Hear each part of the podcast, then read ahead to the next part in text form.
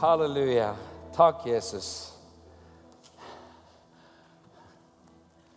Wow. Du vet at når man leser Guds ord Vi elsker jo Guds ord. Vi elsker Bibelen. Så, så, så hender det at man kan lese den sånn og tenke Hva holder de på med, disse folka? Særlig hvis man kommer til kongebøkene eller krønikebøkene. Det er liksom en sånn uendelig serie av oppturer og nedturer. Har du, har du tenkt på det en gang? At liksom, Hvis du lever deg litt sånn ordentlig inn, da, og så ser du at det, liksom, det kommer en sånn skikkelig Har du lest kongebøkene eller krønikebøkene? Eller, er, du, du, har lest de, ikke sant? Du er med? Du, du kjenner navnene på disse folka? Kong Akab og Hiskia og Ikke sant? Du er med? Ja, det ble litt sånn usikker stemning her, men, men vet, det, er å, det er viktig å lese kongebøkene også. Og krønikebøkene. De, de, de, de starter litt sånn utilgjengelig. Da, da, kan man liksom tenke at dette er, dette er eh, telefonkatalogen à la 3000 år siden drøyt. For det er liksom, liksom eh, Han fikk den sønnen som var sønn av, som var sønn av, som var sønn av. Det er noen kapitler med navn. Men så begynner det å skje greier. skjønner du. Og det er veldig interessant fordi man ser at, at det kommer gudfryktige konger, gudfryktige ledere. Og det skjer vekkelsestider, reformasjonstider, i et land. Og det er liksom ting som har gått åt skogen, for å snakke svensk. Det, det bygges opp igjen, det tas tak igjen, det gjenreises.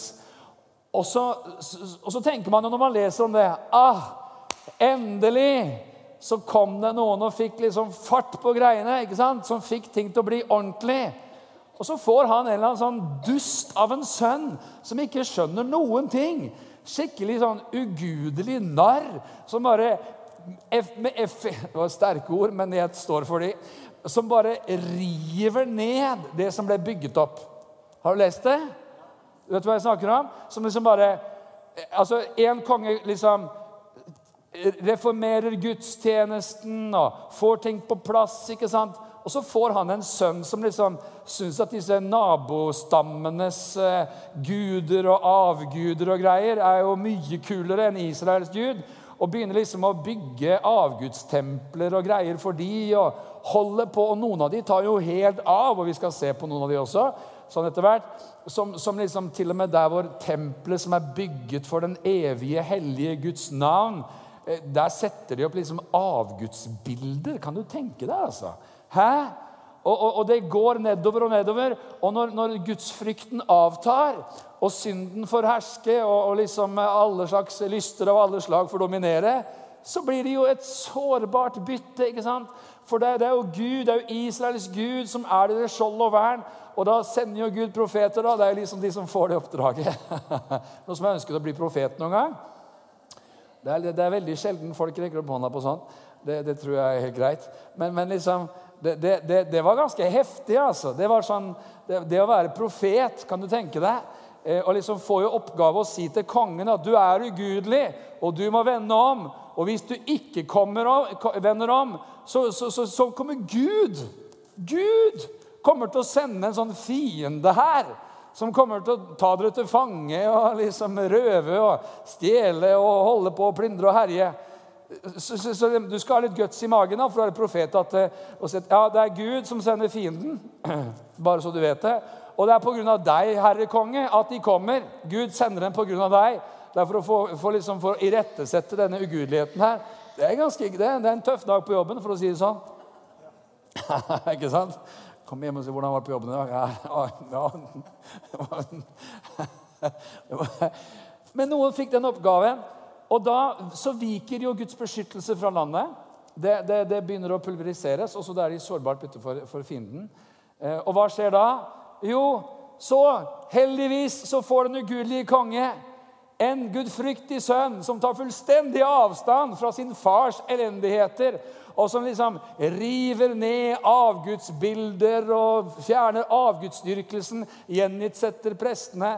Og det, vet, hvis du har vært i Israel, så du vet, det fins en bekk som heter Kedron. Har du, har du lagt merke til den? Eh, Kedrondalen. Du vet, eh, Det blir liksom på Øst-Jerusalem, nedenfor eh, tempel, eller altså bymuren. Så er det en dal som heter Kedrondalen. Og der er det en bekk, eller, eller, en brook, som før het Kedron. Men det er jo ikke mulig å se den nå. lagt merke til det, og det finnes sikkert naturlig forklaring på det. men jeg liksom en liten sånn personlig ekstra teori da. For Hvis du leser krønikebøkene og kongebøkene, så ser du at hver bidige gang de skal hakke i stykker noen sånne avgudsstatuer, så pulveriserer dem. Tykk, tykk, tykk, tykk, Og hvor havner det hen? Kedron. Ikke sant? Det er, liksom, det er fast takst. Noen får i oppgave å komme med all møkka, og det havner ned i Kedrondalen. Så det er klart det blir ikke noe i elv igjen der. vet du. Det er jo helt åpenbart det. For liksom sånn hver, hver andre-tredje generasjon så fylles Kedrondalen opp av all mulig elendighet. Nå kommer vi inn i interessante detaljer, og noen tenker på hvor vil denne mannen, hva skal han prate om? Overskriften er 'Når Guds menighet vekkes'. Når Guds menighet vekkes, hva skjer da? Du skjønner, Det som er interessant, nemlig uten at vi skal ta den for langt, så er det sånn at man ser paralleller i kirkehistorien også. Akkurat som at eh, tider av vekkelse det avløses av tider av frafall. Eh, og, Det er jo grunn til å bli bekymra for det, men de gode nyhetene er at eh, frafallet Bare det blir frafallet nok, skjønner du, så er det noen som tenker Nei, vet du hva? Nei, vet du, vet du hva? Det her er vi ikke med på og så vekkes det til live igjen. Så kan man jo fortviles da, over at liksom både Israels konger og Israels nasjons historie og kirkehistorien er en sånn her total oppå berg-og-dal-bane med, med, reformasjon og nedbrytning og, og vekkelse og, og, og frafall osv. Eh, bare sånn liten sånn ekstra setning innimellom her. Det, det, det, har ingenting å gjøre med det jeg skal si egentlig. Men, men Peter Halldorf, som vi har besøkt oss her, han har en, en helt spesiell teori. Han, han, han, er liksom den, han er det mest bekymringsløse jeg vet om når det gjelder frafall. Han sier bare at og Jeg kjenner jo ikke alt hva han har sagt om alt mulig, men, men det setning som jeg leste som han sa, som var litt interessant. Han sa at du vet at det, det er som gjødsel i hagen. det. Jo fortere det nedbrytes, jo, jo, jo, bedre jord blir det for at noe nytt kan spire fram. Så bekymre deg ikke for frafallet. Det, kom, det, er, det er, ufravikelig. Vekkelsen kommer tilbake i galopp. Han sier et eller annet sånt der. Så, så vet, ok, vi får jo tro det, da. Og i så fall så begynner det å bli skikkelig bra grobunn for vekkelse i landet. det er i hvert fall optimistisk tenkt. Men hva er det som skjer når Guds menighet vekkes? Reformeres og gjenreises. Det skjer fire ting. Det skjer sikkert veldig mange flere ting. Men det er fire mønstre som er veldig synlige, og jeg skal egentlig snakke mest om ett av de i dag. Men jeg nevner de tre andre først. Nummer én det skjer noe med lederne. Folk tar ansvar. Det ryddes opp, man vender tilbake til opprinnelsen, og man tar gjerne oppgjør med forrige generasjoners frafall. Det andre som skjer, er at det skjer noe med bønnen lovsangen, gudstjenesten. Tempeltjenesten som falt sammen eller falt bort, eller til og med er blitt erstattet med avgudsdyrkelse, gjenopprettes.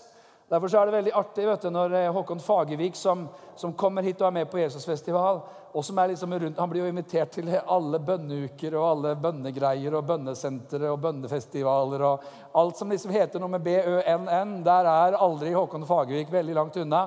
Eh, og, og, det gjør jo at han har rimelig bra oversikt. Så, så, han hadde en utrolig fin runde her når jeg hørte han i, på Karmøy sist. Vi var og prekte sammen der om, om liksom, hvordan det spirer i, i landet vårt. Han kunne fortelle om det ene initiativet etter det andre. Der har de begynt med morgenbønn, og der har de begynt sånn og sånn. og Der har de begynt å stå opp klokka fem og be, og der og der og der. Og vet, Det her har vi jo ikke full oversikt over. Det er liksom ikke sånne greier som skaper kjempesvære overskrifter, eller eh, for den saks skyld river ned de største ovasjonene. Men det er noe som spirer fram i landet vårt, og det er positivt. For det er alltid sånn at når, når, når Guds rike gjenopprettes, så begynner bønnen å spire igjen. Nå har vi jo hatt en sånn demontering av bønn i 20 år, kanskje enda mer i Norge. 30, Hvor det har blitt mindre bønn og mindre bønn og mindre bønn og mindre bønn og enda mindre bønn. Så, så bare sånn, Det blir fryktelig mange interessante parenteser her, men det er jo helt greit, for det vet jo ikke du egentlig, hva som er parentes og ikke hva som er parentes. Det, det, det tar vi. Så, men, men for eksempel, jeg ble så lei e, e, etter mange år av sånne derre treminuttersbønner for lovsangsteam og medarbeidere før møtene. Jeg syns liksom det var for galt.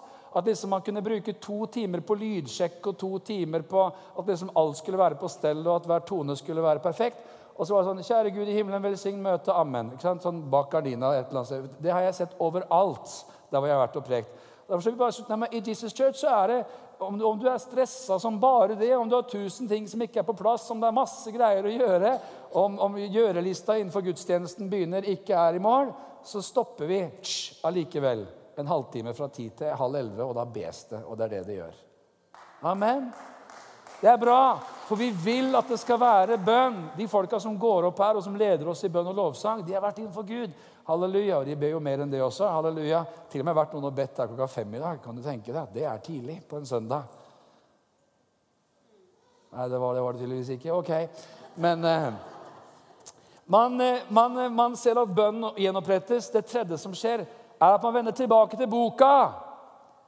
Ikke sant? Man vender tilbake til, til Bibelen, man vender tilbake til ordet. Man, man blåser støvet av den. Og vi er jo frista nå til å ta enda flere runder på hvor ekstremt det kan bli til slutt. ikke sant? Jeg mener, Vi leser jo om dette her i Josi, kong Josias dager. At, at, det er blitt så mye skræp i tempelet, det er blitt så mye rot og så mye avfall at de må rydde opp noe helt voldsomt. Og da finner de en bok. De finner en bok. Hæ? Og presten kommer til kong Josia og sier, 'Vi har funnet en bok, vi.' Og, og, og, så begynner de Oi, har dere funnet en bok? Så interessant. Og så begynner de å lese høyt fra boka. Og kong Josia han, han, han, det var liksom en måte å uttrykke bot og omvendelse og anger på. Han, han, flerrer klærne sine og er sjokkert, for han har aldri hørt det som står i den boka. Da, da skjønner du at da er det frafallent. Hæ? Det, det, er som om liksom, det er som det skulle stå, liksom et, eh, stå fullt med sånne hinduistiske eh, statuer eller et eller annet inni kirka. Og så er det, det er fullt av greier og liksom eh, eh, avgudsstatuer for alt du kan tenke deg. ikke sant? Alle religioner under himmelen. Og så er det noen som kommer for å liksom rydde bort og fjerne alt skræpet. Og så til slutt så, så, så, er det noen som oppdager at det ligger en bok der. Alle dager, Hva slags bok? Vi har funnet en bok i kirka. Eh, eh, oi, hva heter den, liksom? Oi, hva står det der? Oh, oi! vi har kanskje drevet litt uh, av sted. Eh, og nå, nå, er vi heldigvis ikke der, men, men eh, ja, det, det. Vi må i hvert fall komme tilbake til boka. Det skjer når Guds menighet vekkes, reformeres og gjenreises. Og det neste som skjer, og som er veldig interessant, og gjerne så skjer disse tingene her som sånne paralleller, det er at givertjenesten gjenopprettes. Ordet kommer tilbake, lovsangen, bønnen kommer tilbake. Lederskap gjenopprettes og givertjeneste opprettes. Du skjønner, I frafallstider blir givertjenesten svakere eller opphører helt. Hvilket da ytterligere forsterker frafallet. For da har jo liksom ingen lenger penger til å drive noen ting som helst. Og så liksom begynner man på sånne onde sirkler som at man skal, liksom, skal, skal, skal nedskjære, nedskjære, nedskjære, nedskjære. Ikke sant? Så det, det er sånn typisk frafallstider. Mens der det er vekkelsestider, så skjer det noe med hjertene til folk, og så begynner man å gi på en ny måte. Det, det er nemlig sånn at det, det med, det med hvor, Hvorfor er det sånn, tror vi? Jo, fordi at givertjeneste alltid har å gjøre med hjerter. Det har mye mindre å gjøre med penger, kroner og øre enn det har å gjøre med hjerter. Og Det har Jesus forklart oss i Matteus kapittel 6 vers 19. Så sier han, samle dere ikke skatter på jorden, hvor møll og rust tærer, og hvor tyver bryter inn og stjeler, men samle dere skatter i himmelen, der verken møll eller rust tærer, og tyver ikke bryter inn og stjeler. For hvor din skatt er, der vil også hjertet ditt være. Man skulle jo tro egentlig sånn logisk sett at det var motsatt. ikke sant? At Der hjertet ditt er, der er skatten din. Men det er der skatten din er. Altså Der du plasserer pengene, der kommer hjertet etter. Vi hadde jo en, en utrolig kveld i går. Fantastisk kveld med, med, med massevis av, av vitnesbyrd fra nasjonene. Og blant annet så, det, det, det, var ikke noe som de fortalte om i går kveld, men det hørte vi i løpet av disse dagene her. Så, som den største selvfølge så, så, så, så reiser hun, eh, lederen for ny generasjon i Russland seg, Maria, reiser seg opp og sier ja, eh, det som skjer nå, er at dette her med å dele ut et Nytestamente til, til, hele skolen sin er nå blitt så populært. Det er liksom blitt eh, så, så, ja, så, så populært at, at, folk gjør hva som helst for å få det til. Så for så er det sånn så at Russiske ungdommer gjerne selger iPhonen sin for å få penger til å kjøpe Nytestamenter til hele skolen. Eh, det er ganske heftig, altså. Hun fortalte om en ung mann som, som hadde fått en drøm eh, som gjorde at han jobbet hele sommeren, hadde sommerjobb i de to-tre månedene som sommerferien varte. Jobbet fra morgen til kveld i sånn manuelt arbeid i et elveleie. Kjempetøft arbeid. Og hans venner sa hvorfor, du må vel ta i hvert fall én uke fri eller to uker fri. Skal du jobbe sånn som det der? Slite liksom fra morgen til kveld hele sommeren? Ja, sa han. Gud har fylt mitt hjerte med en drøm. Og det er at jeg skal få kjøpe bibler til hele skolen min. Og hvis jeg jobber hele sommeren, så tror jeg at jeg skal få det til. Og Da sitter man der vet du, som nordmann og tenker Wow, jeg skjønner at kroner og øre, eller rubler i det tilfellet, har å gjøre med hjertet. For at hans hjerte det brant sånn for at hans generasjon, for at hans medelever eller medstudenter skulle få samme mulighet som han til å høre Guds ord. Så forsaker man noe. Så, og Hva sier det også om noe? Det sier noe om vekkelsestider. Det sier noe om at det er et folk som holder på å reise seg. Det, det sier noe om at noe har skjedd i hjertets dyp med unge mennesker som holder på på den måten der. Er ikke herlig? Oppmuntrende? Nå skal du få slå opp med meg i andre krønikebok. Skal vi se her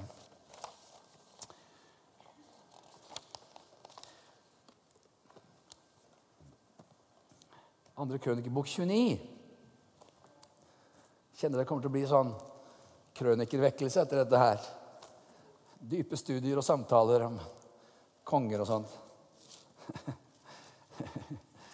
Det du opplever etter hvert også når du leser Bibelen, er at du skjønner, du skjønner hvorfor visse bibelske navn er populære, og hvorfor andre ikke er det.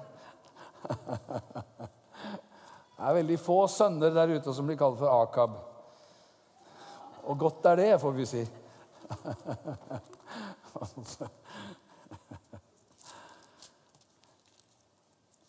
Andre krøniker, kapittel 29, så, eh, så leser vi Vi kan ta kapittel 28. Så leser vi om at Akas er en riktig ugudelig konge.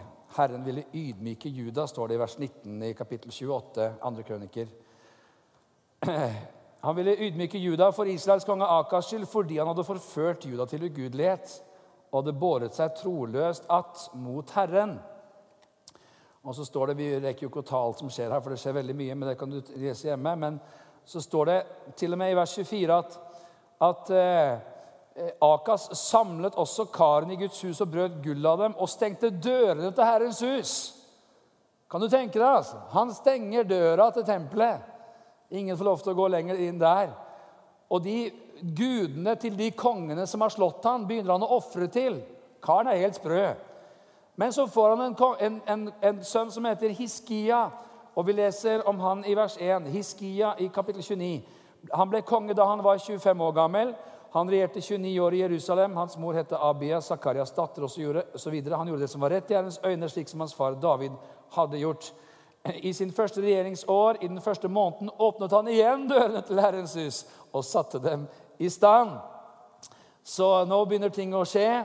Og så holder han en preken da, til de som har vært i tjenesten. For det er, det, er, det er, rimelig åpenbart at de har sovet i timen noe så skikkelig. Så i vers 11 så sier han, 'Mine sønner, nå må dere ikke være dovne.' For dere har Herren utvalgt til å stå for Herrens åsyn og tjene ham til å være hans tjenere og brenne røkelse for ham. Jeg mener, Prestene har jo blitt noen slappfisker. Kongen stenger døra til tempelet, og de sier 'Oi, hva skjedde nå?' Jeg tror kongen stengte dørene. Du skjønner, Prestene de, var, de, ja, men, de, måtte jo gjøre hva som helst. Måtte de ikke det når kongen bestemte? Nei, nei, nei. nei. Når, når kong Usia forsøkte seg å, i, liksom, i sitt hovmod og sitt overmot å ofre Eh, så er det 80 prester som kommer mot ham og sier, 'Det her gjør du ikke, for dette er offer til den levende Gud.' 'Og du har ingen mandat, Usia, til å holde på på den måten.' Og Usia blir rasende. Og så slår Herren ham med spedalskhet og ut med han og ferdig med den saken. Så prestene, skjønner du Det er stor forskjell på om prestene er våkne, årvåkne, brennende eller dovne. Og her er det da heldigvis en konge, Hiskia, som sier, 'Vær nå ikke dovne, Herrens prester.' Stå på! Og Nytestamentet sier det samme. Den som er forstander, må være det med iver. Halleluja. Så den ivrigste av alle må være forstanderen. Halleluja. Sant? Det er noen som tenker har jeg en kjempeseier. Vet du. Ja, hva har skjedd for noe? Jo, pastor har begynt å komme på bønnemøte. Et skikkelig gjennombrudd. Hey, we got a problem. We do have a problem. Hvis det er en seier at pastoren begynner å komme på bønnemøte. Ikke sant? Hva, hva, er du våken her i dag? Er du med? Er det, går det greit? Du ser ut som du er i sjokk. Jeg vet ikke. Halleluja. Ok. Hvert eneste vers er en preken, men vi bare nevner litt sånn fort. Vers 16 så står det prestene gikk inn i det indre av Herrens hus for å rense det, og all den urenheten som de fant i Herrens tempel, førte de ut i forgården til Herrens hus. Der tok de imot det og bar det til helt riktig, Kedronbekken. Så ser vi litt videre, når man går litt videre ned i kapittelet, at lovsangen gjenopprettes. Og jeg leser noen vers fra vers 25. Og det er så herlig. vet du, Man blir glad, man blir salig. Alle lovsangere her, vet du, og musikere blir enda mer ivrige når de leser. Lovsangere må lese krønikebøkene ofte. Der får de mye inspirasjon. Her står det i vers 25.: Han lot levitene stille seg opp i Herrens hus med symbler og harper og sitarer, slik som David og kongen ser Gad og profeten Natan hadde foreskrevet. For det var Herren som hadde gitt denne forskriften gjennom profetene sine. Levitene sto med Davids musikkinstrumenter og prestene med trompetene. Jo veldig, Jeg spiller jo egentlig trompet. Jeg må jo ta den fram her nå. Prestene hadde trompeter. Da, da, da. Så bød Hiskia at de skulle ofre brennofferet på alteret på samme tid som ofringene begynte. Begynte også sangen for Herren og trompetene å lyde, ledsaget av Davids, Israels konges instrumenter. Hele menigheten kastet seg ned. Det er action her, altså. Men sangen lød opp, trompetene klang, og dette varte til ofringene var fullført. Da de var ferdige med ofringen, falt de på kne, både kongen og alle de som var sammen med ham, og de tilba. Så befalte kong Iskia og høvdingen at levitene skulle love Herren med Davids og seerens Asafs ord. Og de lovet ham med fryd og bøyde seg ned og tilba. Det er interessant at mens lovsangen, mens ofringene pågår, så er det lovsang. Er det ikke interessant? At liksom, Mens de ofrer okser vet du, og sauer, og det er brennoffer, og det må være litt av noen gudstjenester. altså. Masse lukter, vet du. og eh, Det var annerledes å være prest på den tiden. vet Du Du hadde kniv i lomma. og Den kunne brukes til litt av hvert, uten å gå dypere inn på det. Men, eh, men eh, det hadde de nemlig. Så Vi går raskt videre. Yes, sir! Halleluja. Men ofringene er over. Det er vi glad for. Du er glad for du ikke tenkte å ta med deg liksom en sau på trikken i dag? Hæ? Og komme hit. og Daniel var veldig glad for at han liksom slapp å ha et lite sånn hjørne der hvor han liksom gjorde sånt på sauen. Ikke sant? Ali hadde hatt en helt annen oppgave. Det liksom var å gjøre opp, gjøre opp bål her liksom, og fikse og liksom stå på litt. Nei, du skjønner, det der er over. Hvorfor det? Jo, for Jesus Kristus, vårt påskelam, han ble slaktet én gang for alle. Det fullkomne offer, det perfekte offeret. Amen. Men det andre det fortsetter vi med. Ofringen skal vi ikke gjøre, men lovsangen skal fortsatt lyde. Glory to God! Herlig!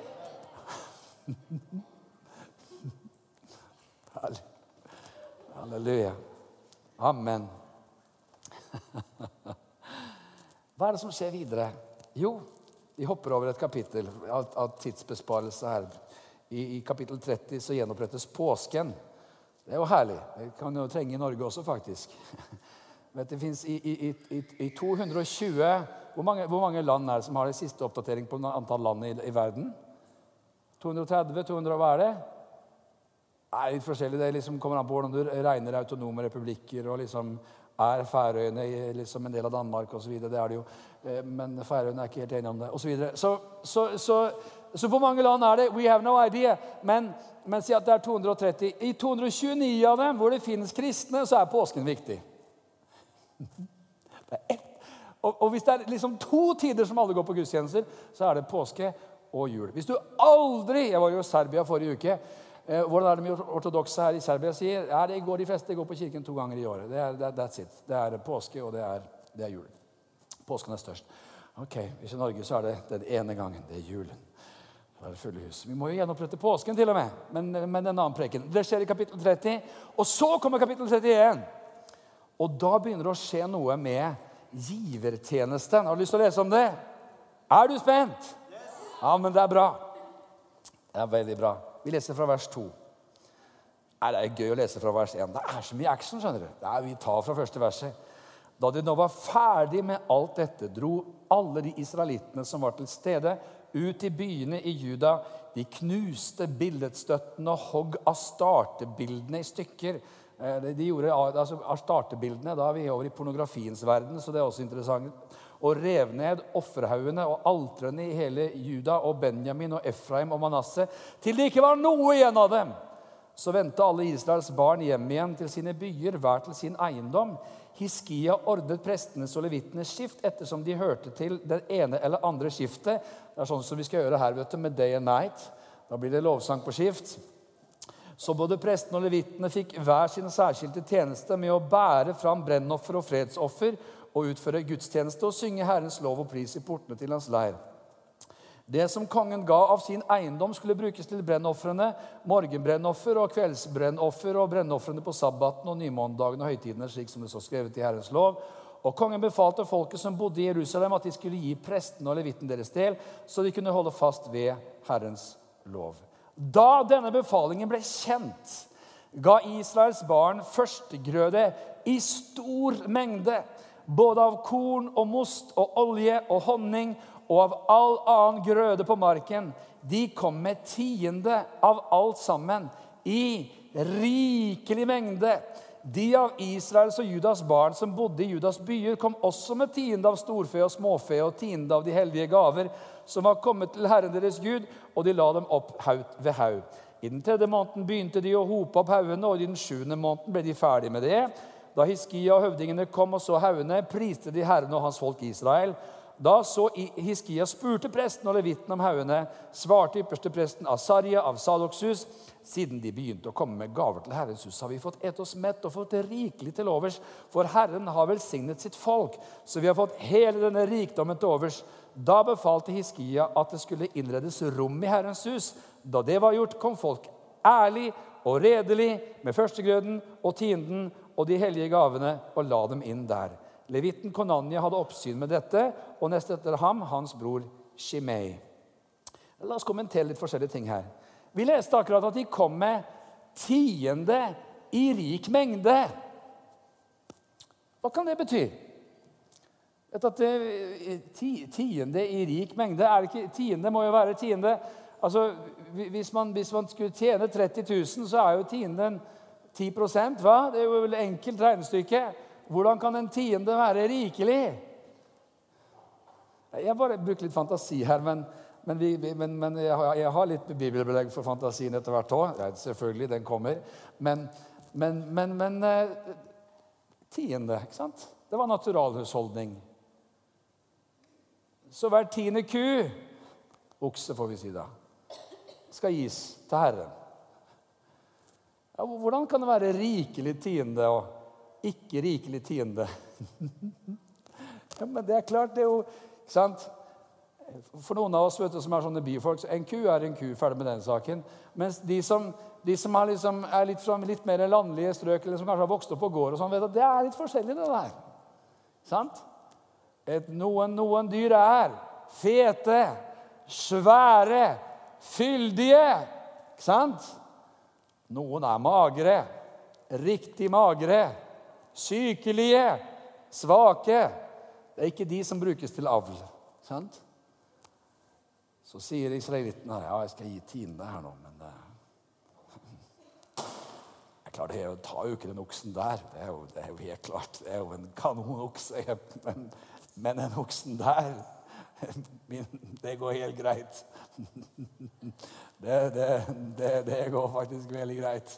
Den dør snart allikevel. Så jeg kan like så godt ofre den. Skjønner du? Altså her, her er litt sånn forskjell. Og det står jo om at det var korn ikke sant? og det var frukt. og La oss bruke epler her nå, da. Du, du gir tiende, hvis du, hadde, du, du ga tiende av epler. Granatepler måtte det vært Israel, da. Men et eple er et eple. Eller er det det? Fins noen store epler. vet du. Store, saftige, svære, fantastiske epler. Så fins det sånne små kart, vet du, sånne små, sure ekle. Ja, ja, et eple er et eple, ikke sant? Jeg har ti epler. Så. Gi den her store, fyldige, svære, rikelige. Eller gi den litt sånn lille, magre karten. Et eple er et eple. Det står at det var tinen var rikelig. Ja, nei, det da Nei, det, nei, det da, jeg tror nok ikke det der kan stemme. Ja, du skjønner, Det her er faktisk ganske relevant spørsmålsstilling. For hvis du går til meg med, til, til, til, Jeremia Vi snakker nemlig om Nei, ikke til Jeremia, til, til eh, Malaki. Vi snakker om forskjellen mellom vekkelsestider og frafallstider. Vi snakker om hva som skjer når ting gjenopprettes. Da skjer det nemlig noe med hjertene. Og, og det vi jo så her, det var jo at levitten Konanya han hadde tilsyn med dette. her. Og nest etter han, hans bror Shimei. Det står at de satt og så hva folk, folk ga. da. Er du klar over at Jesus, den store ypperste presten, han holdt på litt med samme sak? Han, han, han satt i tempelet og fulgte litt med sånn ekstra. Men, men, når vi går til Malakia kapittel 1, hva er det vi ser for noe da? Jo, vi ser noe ganske, ganske interessant. Vi leser fra første verset. Nei, fra sjette verset. En sønn ærer sin far, og en tjener sin herre. Er nå jeg far, hvor er da min ære? Og er jeg herre, hvor er da frykten for meg, sier Herren herskarenes Gud til dere prester, dere som forakter mitt navn. Men dere sier, hvordan har vi vist forakt for ditt navn? Ved å bære fram uren mat på mitt alter. Men dere sier, hvordan har vi krenket din renhet? Ved å si, Herrens bord har ingen verdi. Når dere kommer med et blindt dyr for å ofre det, er det da intet ondt i det? Og når dere bringer et dyr som halter eller er sykt, er det da ikke noe ondt i det? Kom med slike gaver til din stattholder. To your governor, står det på engelsk. Tror du han vil være tilfreds med deg eller ta nåde imot deg, sier Herren herskarenes Gud. Man skulle betale skatten der òg, ikke sant? Vers 11. Fra solens oppgang til dens nedgang skal mitt navn bli stort blant hedningefolkene. På hvert sted skal det brennes røkelse og bæres som offergaver for mitt navn. Rene offergaver. For mitt navn skal bli stort blant folkeslagene, sier Herren herskarenes Gud. Men dere vanhellige mitt navn ved å si Herrens bord er urent, og maten som gis til det, er lite verdt. Og dere sier, Å, for et strev! Dere blåser foraktelig av det, sier Herren herskarenes Gud. Og dere bærer fram slikt som er røvet, og dyr som er halte eller syke. Slik bærer dere fram som offergave. Skulle slike gaver fra dere behage meg, sier Herren. Forbannet være den som far med svik, den som har hanndyr i sin budskap og gjør et løfte, men likevel ofrer et dyr som har lyte. For jeg er en stor konge, sier Herren herskarenes Gud, og mitt navn er fryktet blant folkeslagene. Hva er det som skjer her? Jo, det er frafallstider. Og profeten Malaki han kommer for å irettesette dem og si dere holder jo på med sånn offertjeneste i det ytre, men hjertet henger tydeligvis ikke med. For det dere kommer med, er liksom leftovers til Gud, ikke sant? Vi ser jo at det her er høyst relevant. Det her er ikke noe rikelig givertjeneste overhodet. Og det vi ser i versene her som var så spesielt, er at det hadde med respekten for Gud å gjøre. Og til og med at det står at Gud skulle fryktes blant hedningene på grunn av det de så Israel ga. Folk rundt omkring skulle snakke om dem og tenkte Hva er for Gud de har? Hva slags i alle dager er det for Gud de har? Som de gir til den guden sin? Som de ofrer til sin herre? Det er jo ingen måte på hvordan de holder på. Det er jo ingen av oss som gir sånn til våre guder, med liten g, som de gir til Han som er Gud, Herren den allmektige. Det skulle være et vitnesbyrd i nasjonene at det der var et annerledes folk som ga. Vet du, jeg er glad for å si sånn er det fortsatt. Sånn er det fortsatt. Jeg husker en sånn diskusjon som var med noen kristne og noen ledere for Human-Etisk Forbund. Jeg, detaljene husker jeg ikke, men, men, men essensen. Og de ble liksom trakket ned på disse kristne lederne for liksom hvor, eh, hvor, hvor, eh, ja, sin religion og sin intoleranse for det ene og det andre og sin sneversynthet. og det, det var ingen ende på. Så, så begynner liksom den kristne lederen å spørre da, ja, du, eh, Human-Etisk Forbund, hvor mange barnehjem har dere finansiert? mange sykehus har dere sponset i Afrika? Hvor mye har dere gitt til eh, arbeid blant narkomane og prostituerte? Bli stille, vet du. Ja, nei, altså, Det har jo ikke noe med saken å gjøre. Nei, men det har noe med saken å gjøre. Vi tror på en Gud som er giveren over alle givere. Og Derfor så har hans folk alltid elsket å gi. Og Det som er interessant å si, det, skjønner, det her har med vekkelse å gjøre. Det Her er vekkelsesfaktor. Og Du kan se det i Norge, du kan se det gjennom historien. At når liksom Guds menighet våkner opp, så skjer det noe med bønnen, det skjer noe med ordet, det skjer noe med lederne, og det skjer noe med det som gis. Ikke sant? Når ble misjonsforeningene opprettet i dette landet her, da? Ikke på 1990-tallet. Mer sånn på 1860-, 70-, 80-tallet. Det var liksom ikke veldig dreis over det i Norge da. altså. Samme perioden som en tredjedel av alle nordmenn emigrerer til Amerika, for det er så fattig i Norge. Samme epoke som Norge er rangert som Europas fattigste land. Og når du leser sånne britiske turisters beskrivelse av Norge, så er det som om, om, du skulle beskrive et av de fattigste landene du har hørt om i dag. I de tidene så skjedde det noe i etterdønningene av vekkelsen med Hans Nissen Hauge. Så kommer misjonsforeningene opp, hvor man bygger egne hus for å be og for å gi til misjon. Hæ? Og det kommer en misjonsbevegelse uten sidestykke i verden ut ifra dette fattige landet. Mens på 1980-tall og 90-tall og 2000-tall osv. Hvor vi aldri har hatt mer penger mellom hendene noen gang, så har det vi har gitt til misjon, har gått ned. Det har med andre ord ikke med penger å gjøre, men med hjerter å gjøre. Halleluja. Så det er godt å ha hjerter som er grepet. Hva? Halleluja. Vi går tilbake til andre krønike 31. Det står Det er litt herlig, da, når man leser i vers 7 og 9 om hauger som hoper seg opp. Kan du bare se for deg kan du liksom bare se for deg praten i tempelet? Det er liksom noen som jobber der. ikke sant? Det er liksom tempelvakter, og det er eh, de som har ordning på, på finansene, og det er prester. og De går og prater. Vet. Har du sett, eller? Har du, har du sett det er, det er hauger? Vi kommer nesten ikke inn i tempelet nå. Det er helt utrolig. Det er, det, vi må bygge noen ekstra rom. Det er det. Vi må bygge noen ekstra rom her. Dette tar helt av. Hva skjer? Folk kommer. Det, det renner over. Det er helt utrolig. Helt nydelig. Ikke sant? Det har skjedd noe i Israel. Det har skjedd noe i hjertene. Halleluja. Gudsfrukten begynner å reise seg. Bønnen og lovsangen blir sterkere. Ordet får en sterkere plass. Lederne blir gudfryktige. Og givertjenesten tar av. Det er herlig!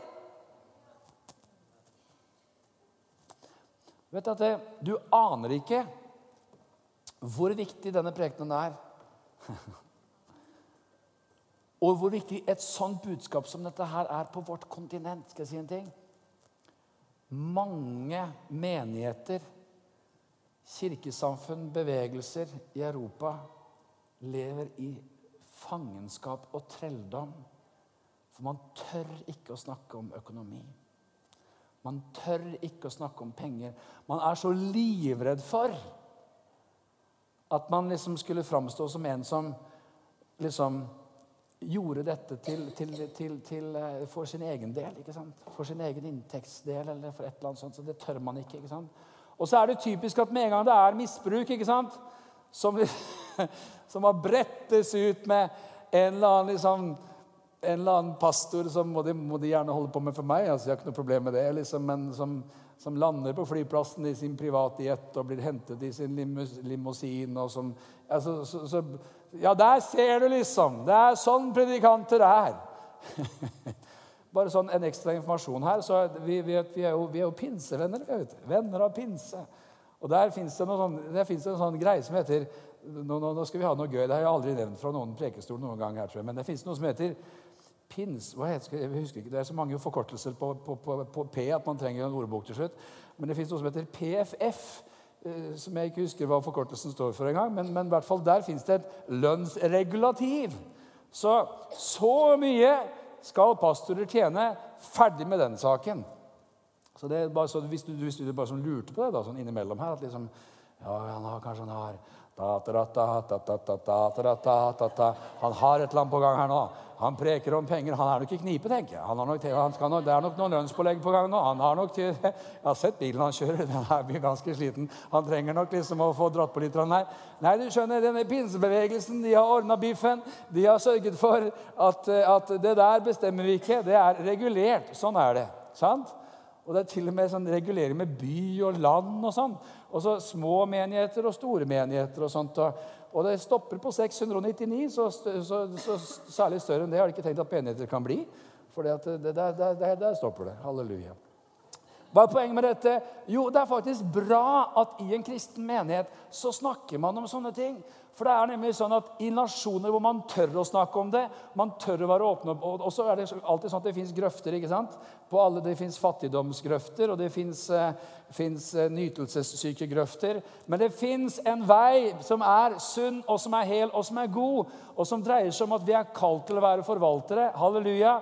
Gud vil at vi skal ha det godt. Han er en god far. Han sørger for oss, og han er interessert i din økonomi. Amen. Hvorfor er det det hoper seg opp? Hvorfor er det det hoper seg opp her?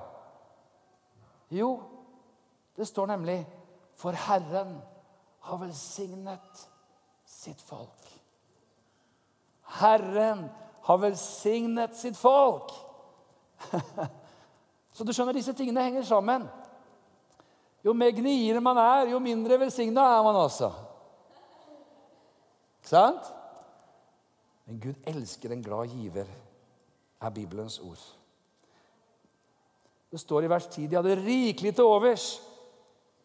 Er, altså Bare den setningen der vi må, vi, må, vi må, stoppe ett sekund med den også. Kanskje 30. Bare smak på den. Rikelig til overs. Ah. Det er jo en setning som bare er til å, til å rope høyt av i hver menighet, i hvert styre, i hver misjonsarbeid i landet. Sant? Kan du se for deg styremøte? Sak nummer én. Vi har rikelig til overs. Hva gjør vi? Det er ikke veldig mange sånne styremøter i Norge. I kristen virksomhet og misjon. Her, nå vet vi ikke hva vi skal gjøre her, fordi liksom det, det, det, har bare tatt helt av. Det er, det er, så nå er vi, et eller annet må vi finne på. Hvem skal vi gi til nå? Altså, det, er jo, det, er jo, det er Bare smak litt på tanken. Den er god, hva? Hæ? Herlig. Jeg har vært på besøk i et par menigheter i, utlandet som, som, som, som, bestemte seg når menigheten var 100 medlemmer, at vi skal gi 20 til misjon. 20 til misjon det er ikke så veldig mye når menigheten er 100. Og Så går det 20 år, vet du, så er menigheten 10 000. Og da er 20 til misjon veldig mye penger. Som de øser ut over hele planeten. Og så kommer man inn i en sånn sirkel. vet du, For det er saligere å gi enn å få. Og jo mer du gir, jo mer velsigna blir du. Jo mer du sår, jo mer du høster du. Så blir det liksom bare en sånn salig sirkel av greier. Amen. Og dit vil vi gjerne i Jesus Church. Inn i den salige sirkelen av givertjeneste. Halleluja. Orker du litt til? Går det bra? Hva?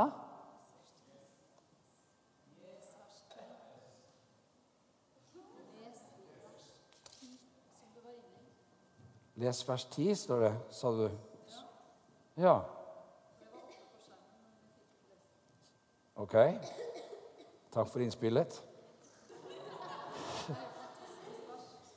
Ypperstepresten Asaria av Saloks hus svarte siden de begynte å komme med gaver til Herrens hus, har vi fått ete oss mett og fått rikelig til overs. For Herren har velsignet sitt folk. Så vi har fått hele denne rikdommen til overs. Det er herlig. Amen. Men Gud vil det skal være rikelig til overs. Rikelig til overs for barnearbeid, rikelig til overs for ungdomsarbeid. Rikelig til overs. Ikke sant? For de fattige og elendige. Rikelig til overs for misjon til jordens ytterste ende. Rikelig overs til de, de byggene man trenger. Rikelig til overs. Herlig! La oss gå til Malakia igjen. Da skal vi lese om disse klassiske versene rundt dette med, med tiende. Vi leste jo at tienden ble gitt ærlig og redelig. ikke sant? Og Malakia 3,7 så har vi disse klassiske tiendeversene fra vers 7.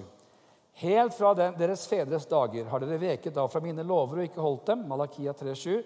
Hvem om til meg, så vil jeg vende meg til dere, sier Herren herskarenes Gud. Men dere sier, hva skal vi vende om fra? Skal et menneske rane fra Gud siden dere raner fra meg? Men dere sier, hva har vi røvet fra deg? Tienden og de hellige gaver. Forbannelsen har rammet dere, og fra meg røver dere, hele folket. Bær hele tienden inn i forrådshuset, så det finnes mat i mitt hus. Prøv meg på denne måten, sier Herren herskarenes Gud, om jeg ikke vil åpne himmelens luker for dere og øse ut velsignelser over dere i rikelig mål. Og så står det noen sånn vers som kan føles litt sånn småkryptiske. Man tenker ok, nå kommer vi inn i gresshoppeverdenen her. Nå faller jeg av. Men det går bra, det òg. For det står Jeg vil true etergresshoppen for deres skyld så den ikke ødelegger markens grøde for dere. Og vintreet på marken skal ikke slå feil for dere, sier Herren herskarenes Gud.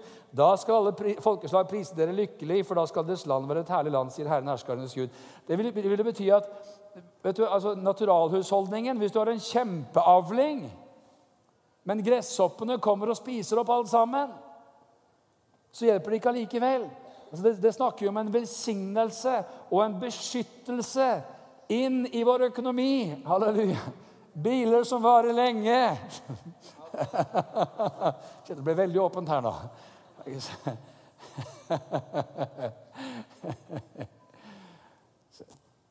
Er det noen som legger hendene på bilene sine av og til? Er det noen som gjør det her?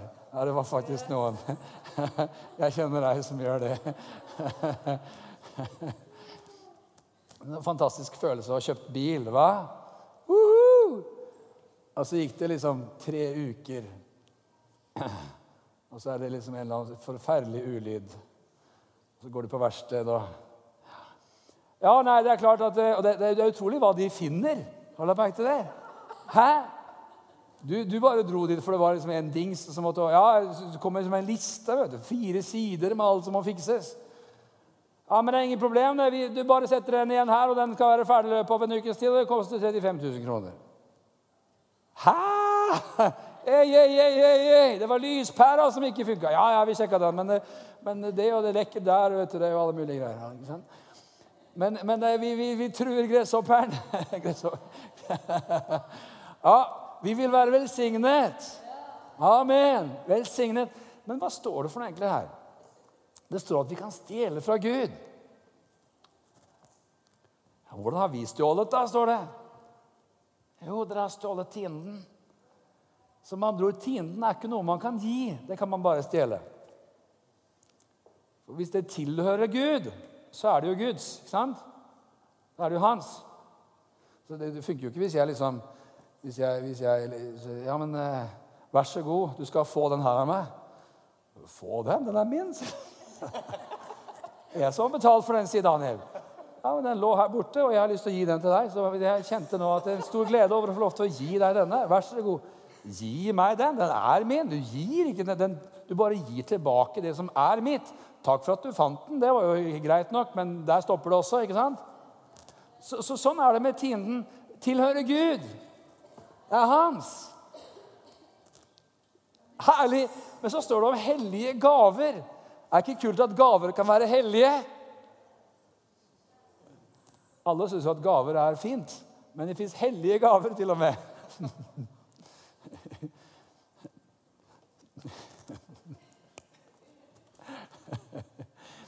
Ok. Jeg Er så glad for vi lever i den nye pakt? Det er jeg glad for. Her gamle testamentlige greiene. Jeg er helt fri fra det.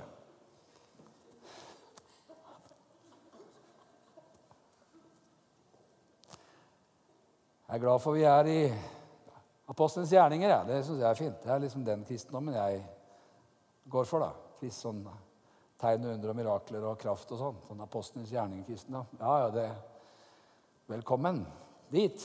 Hvis du vil dit, så er det helt greit, det. Så de solgte alt de eide, og la det for apostelens føtter. Så skal du først gå fra apostelens gjerninger, så får du gjøre det skikkelig, da. Og de som ikke gjorde det, gikk det ikke veldig bra med.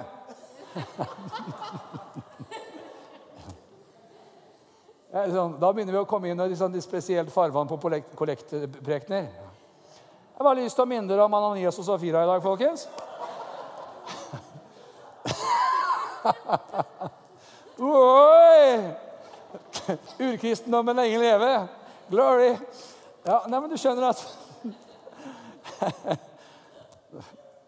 Noen tenker OK, what's happening, what's happening, where are we going? Vi skal lese et par Nytestamentet i vers om tiende. Er du klar over at det står noe om, om tiende Nytestamentet? Vi kan lese i Matteus 23 som i og for seg er den eneste lang kjennepreken, hvor Jesus eh, hudfletter fariseerne side opp og side ned. Han, han, han, er ikke så diplomatisk alltid, Jesus.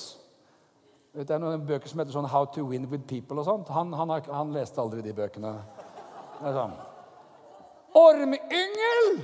Hvitkalkede graver. Utvendig er dere hvite og fine, men innvendig er dere råtne som dødningeben. Det, liksom, det var ikke sånn man skulle snakke til makteliten, var det det? Men sånn gjorde Jesus. Han var litt annerledes. Og Midt i denne prekena her så står det et vers om tiende. Matteus 23, 23. Ved dere skriftlærde og farisere, hyklere som gir elsker Jesus, han er så herlig fri. Som gir tiende av mynte og anis og karve. Hva er det her for noe? Det er naturalhusholdningen. ikke sant? Man gir tiende av greier man har dyrket men lar ugjort det som veier tyngre i loven. Rettferd, barmhjertighet og troskap. Dette burde gjøres. Med andre ord rettferdighet, barmhjertighet og troskap. Og så står det og det andre ikke forsømmes. Så Det er med andre ord ikke sånn at det er ikke noe som heter tiende nytelsesmennene. Jesus sier at det, det, faktisk finnes ting som er enda viktigere. Det er rettferdighet, og det er barmhjertighet og det er troskap. Det er viktigere. Så hvis du gir så det svir, liksom, men det er ikke barmhjertighet og det er ikke rettferdighet og det er ikke troskap, så blir det feil. Så du skal gjøre det andre, men du skal ikke utelate det. Du skal, du skal ikke utelate dette heller. Så det er svart på hvitt, det. Vi tar et vers til. Så, så, som du skjønner her, så, så jeg, synes, det, det, jeg har personlig glede i å preke dette budskapet. Og hva er grunnen til det? Jo, fordi at vi lever i verdens rikeste land. Og Bibelen sier Lukas kapittel 12, vers 48 der omkring at den som er mye gitt, skal det kreves mye av. Den som er betrodd mye, skal det fordres mye av. Det er et kjempeansvar å bo i dette landet her. Et gedigent ansvar. Og så vet vi alle sammen ikke sant, hvordan det kan være at plutselig så er liksom kontoen tom, og du er skikkelig glad for at du fant en pose med flasker bak i skapet. I, er det noen som har vært med på det her? Og liksom Uhu! Yes! Rema 1000, tu-tu-tu-tu, Rema 1000. og liksom det å liksom gjøre handlerunden etter den der lappen som kommer ut av den automaten, er jo alltid en sånn spennende greie. ikke sant? 78 kroner kom ut av den automaten. Ok, det ble ris. Herlig. Og nudler. Så, så, det er greit nok at sånn kan man jo oppleve i dette landet her også, men vi er så velsignet. Det fins ikke et land i verden som du får 100% lønn når du er arbeidsledig. Sen det bare exist. Det er jo fantastisk. Noen syns også det er litt for fantastisk, men det skal jeg ikke blande meg inn i. Det er et bra land å bo i dette her. Ja, men det får vi få litt bedre ammen på. Det er et ganske bra land å bo i, dette her. Ja. Ja, men det er mye skatt.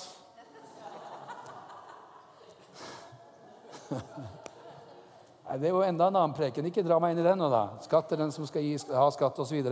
Men du skjønner, når vi gir tiende, så gir vi det til Jesus. Det høres ut som en sånn søndagsskolesang. Kanskje vi skal lage en sånn? Plutselig så sitter barna dine og synger hjemme. vet du. Når vi gir tiende, så gir vi det til Jesus. Mm, mm, mm, mm, mm. Gir vi tiende, mamma? Snakk om noe aktuelt. ok, vi leser Hebreerne 7. Hebreerne 7. Her, er det, her er det litt dypt. Det er litt spesielle ord, men vi er med. Hva? Vi er med. Vi hopper rett inn i Hebreerbrevet 7.1. Denne Melkisedek Hvem er Melkisedek? Vi kommer inn på det. Var konge i Salem, en tidlig form av Jerusalem, og prest for den høyeste Gud. Det var han som gikk Abraham i møte og velsignet ham da han vendte tilbake etter seieren over kongene. Det er han som Abraham ga tiende av alt. Han er, når en tyder navnet, for det første rettferdighetskonge. Dernest er han også Salems konge, dvs. Si freds konge. Han er uten far og uten mor, uten ettertavle. Hans dager har ingen begynnelse, og hans liv ingen ende. Men denne Melkisedek er også gjort likt med Guds sønn, og han er prest for alltid. Se hvor stor han er, denne som Abraham, patriarken, ga tiende av krigsbyttet. De av Levis sønner som får tjeneste som prester, har etter loven påbud om å ta tiende av folket, dvs. Si av sine brødre, enda disse nedstammer fra Abraham. Men Melkisedek, som ikke er av deres ett, tok tiende av Abraham og velsignet ham som hadde fått løftene. Nå kan ingen nekte at det er den ringere eller den mindre som blir velsignet av den høyere. Og her er det dødelige mennesker som tar tiende. Hør. Men der er det en som får det vitnesbyrd at han lever. Spørsmål? Når kom loven? Med Moses. Er Abraham før eller etter Moses? Før eller etter loven? Det har ikke noe med loven å gjøre i det hele tatt. 400 år før loven så gir Abraham tiende. Til hvem? Til en som kalles for Melkisedek, som er konge i Jerusalem. Og som er uten ettertavle, uten begynnelse, uten ende. Og som er et forbilde på Guds sønn. Og vi, står det her, gir tiende til en som lever. Vi gir det til Jesus. Og Derfor så er det fint å kunne si at denne kollekten går til her, og oi, det var liksom litt mitt hjerte. Og, det, det, er litt sånn småskummelt. Det får nesten komme en sånn offentlig sånn bekjennelse her. vet du. Vi tok opp en kollekt her i høst til en kaffemaskin. Kan du huske det? Ja, hvor blir det av den? Ja, Det var det som var så dumt. Det var ikke nok til å lage kaffemaskiner. De var så fryktelig dyre. så det, det er småskummelt å ha sånne. Men, men, men vi sa vel ikke noe tidsvis på når kaffemaskinen kommer. Så innen 2027 så har vi nok en sånn en Nei da! Den kommer fortere. Men, men, poenget er at det, liksom, det, er jo greit å gi ekstra til prosjektet, for man kjenner at hjertet henger litt ekstra på. Men det går dypere enn som så. Du skjønner, Det er gudstjeneste. Det er å bære fram tiende. Og der kan vi liksom nesten misse litt ikke sant? I, i liksom datasamfunnet med nettbank og greier. Og med månedslønn og liksom Oi, nå må jeg huske å gi min tiende. Og selvfølgelig så har du din lovsangstund ikke sant? når du sitter der foran PC-en. Setter på en herlig lovsang. Halleluja! Samler barna rundt. Enok, Guri og Truls, nå skal vi gi til Gud her. Ja, der er det gjort. Mens i riktig gode gamle dager så fikk man jo lønn hver uke. vet du. Er det noe som er så gammel at de kan huske? Det er så gammel at de kan huske at pappa kom hjem med sånn gjennomsiktig pose med sedler. Kan du huske de der? Og hele familien følte seg sånn kjemperik akkurat da. Så måtte man ta disse fysiske pengene og så gå på posten og betale regningene. og sånn.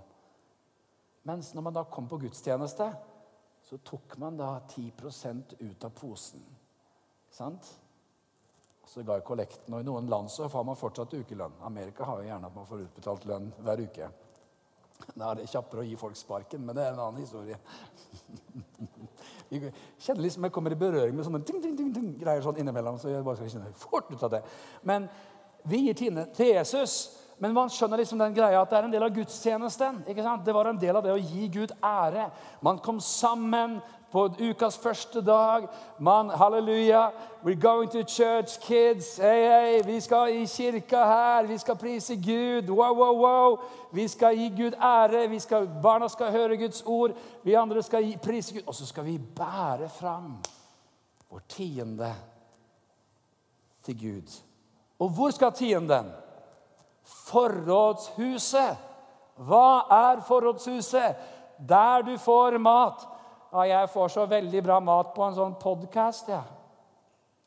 Så jeg sender tienden dit. Nei, nei, nei. nei. Vi skal ikke ta enda en preken. Det, blir, det her er 20 prekener igjen dette her, om den lokale menighets betydning osv. Men tienden går til menighet.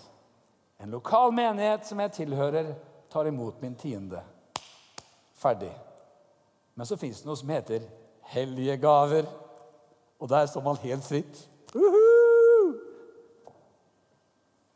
Sant? Så man kan gi litt til misjon der, og litt til misjon der, og litt til bibler der, og litt til ny generasjon der, og til Jesus Revolution der, og til åpne dører der, og til India der, og ikke sant? Hellige gaver. Det er nydelig. Vi lever jo for å gi. For så høyt elsket Gud verden at han ga. Vi er barna hans, og vi ligner mer og mer. Jeg skal prøve å avslutte. Men når Guds menighet vekkes, så gjenopprettes givertjenesten. Og Vi fikk en utfordring her forrige uke. Bishop, Arch, Archbishop Winnie og Whitty. Hun sa noe. Hun sa, 'Vet du hva? Jeg tror Gud vil gi dere et gjennombrudd i menigheten det er økonomi.' Jeg tror dere trenger å gire opp eh, givertjenesten deres. Gi til menighet, gi til misjon. Og hun, og hun kastet ut noen prosenter. og Prøv i tre måneder å gi 15% istedenfor 10 og forskjellig sånt. Og da, eh, så bare tenkte jeg litt på dette her. Ja, hvordan ser det ut? da? Hvordan skal vi handle på det sister Winnie sier? Så bare tenkte jeg vel Ikke vet jeg, men Hva er en rikelig tiende? Som vi leste om. Hva er en rikelig tiende? så tenkte jeg noe enkelt. Du vet, Av og til så hører du en preken når du er 18 år. Som du skjønner, det her blir konsekvenser for resten av livet. Jeg hørte en enkel preken som gikk på dette her. Det var en predikant som sa at han Skal du gi tiende brutto eller netto, sa han. Før eller etter skatt? Så sa han jeg gjorde et enkelt valg. Vil jeg ha nettovelsignelse eller bruttovelsignelse? Ja, det er klart han ville ha brutto velsignelse. Så da ble det brutto tiende. Så satt jeg der som 18-åring og tenkte ja, men det vil jeg også ha. Så jeg gir med andre ord ikke tiende av, av eh, det som jeg sitter igjen med etter at eh, staten har fått sitt. Og så gi etter Gud. Jeg tenker Førstegrøden er jo uttrykket som brukes. The first fruits. Hva er det, da? Jo, det er jo ikke sånn at jeg har en åker, og så, jeg, så, tar jeg den delen av åkeren og gir i skatt til eh, Romerriket. Og så ser jeg hva som er igjen av åkeren, og så gir jeg 10% av det. Nei. Før romerne har fått sitt. Gi Gud det som Guds er, sa Jesus, og keiseren det som keiseren er. Før Romerriket fikk sitt, så ser jeg på avlingen så tar jeg de første 10% Så til Gud. Og så tar jeg romeren etterpå. Så tenkte jeg, men det er i hvert fall en rikelig tiende. Ikke sant? Og kanskje det er så stor forskjell som den Winnie, mamma Winnie snakket om. For hvis jeg tjener 30 000 og gir tiende av brutto, så er det 3000. Mens hvis jeg betaler en tredjedel i skatt, så tjener jeg 20 000, og så er tienden 2000. Og da er vi omtrent på den forskjellen som mamma Winnie snakket om. Forskjellen på brutto og netto. Og så har jeg lyst til å si en ting. Halleluja. Det er at jeg har ikke peiling på hva noen gir. Jeg vet ingenting om sånt. Jeg. Det er helt nydelig. Men det som er godt å kjenne, er at det er frihet til å snakke om sånne ting. Det er godt å kunne snakke om sånne ting. Dette er en samvittighetsgreie. Ingen i Jesus Church sjekker noen. Det fins ingen krav. Det fins ikke noe liksom sånn at liksom, du må gjøre si og så for at det skal skje. Ikke sant? Gud elsker en glad giver, og vi vil ha glade givere. Men det er noe godt og noe herlig å tenke på. Ikke liksom Hvilken syk kalv kan vi avstå her? Men hvor rikelig kan min tiende være?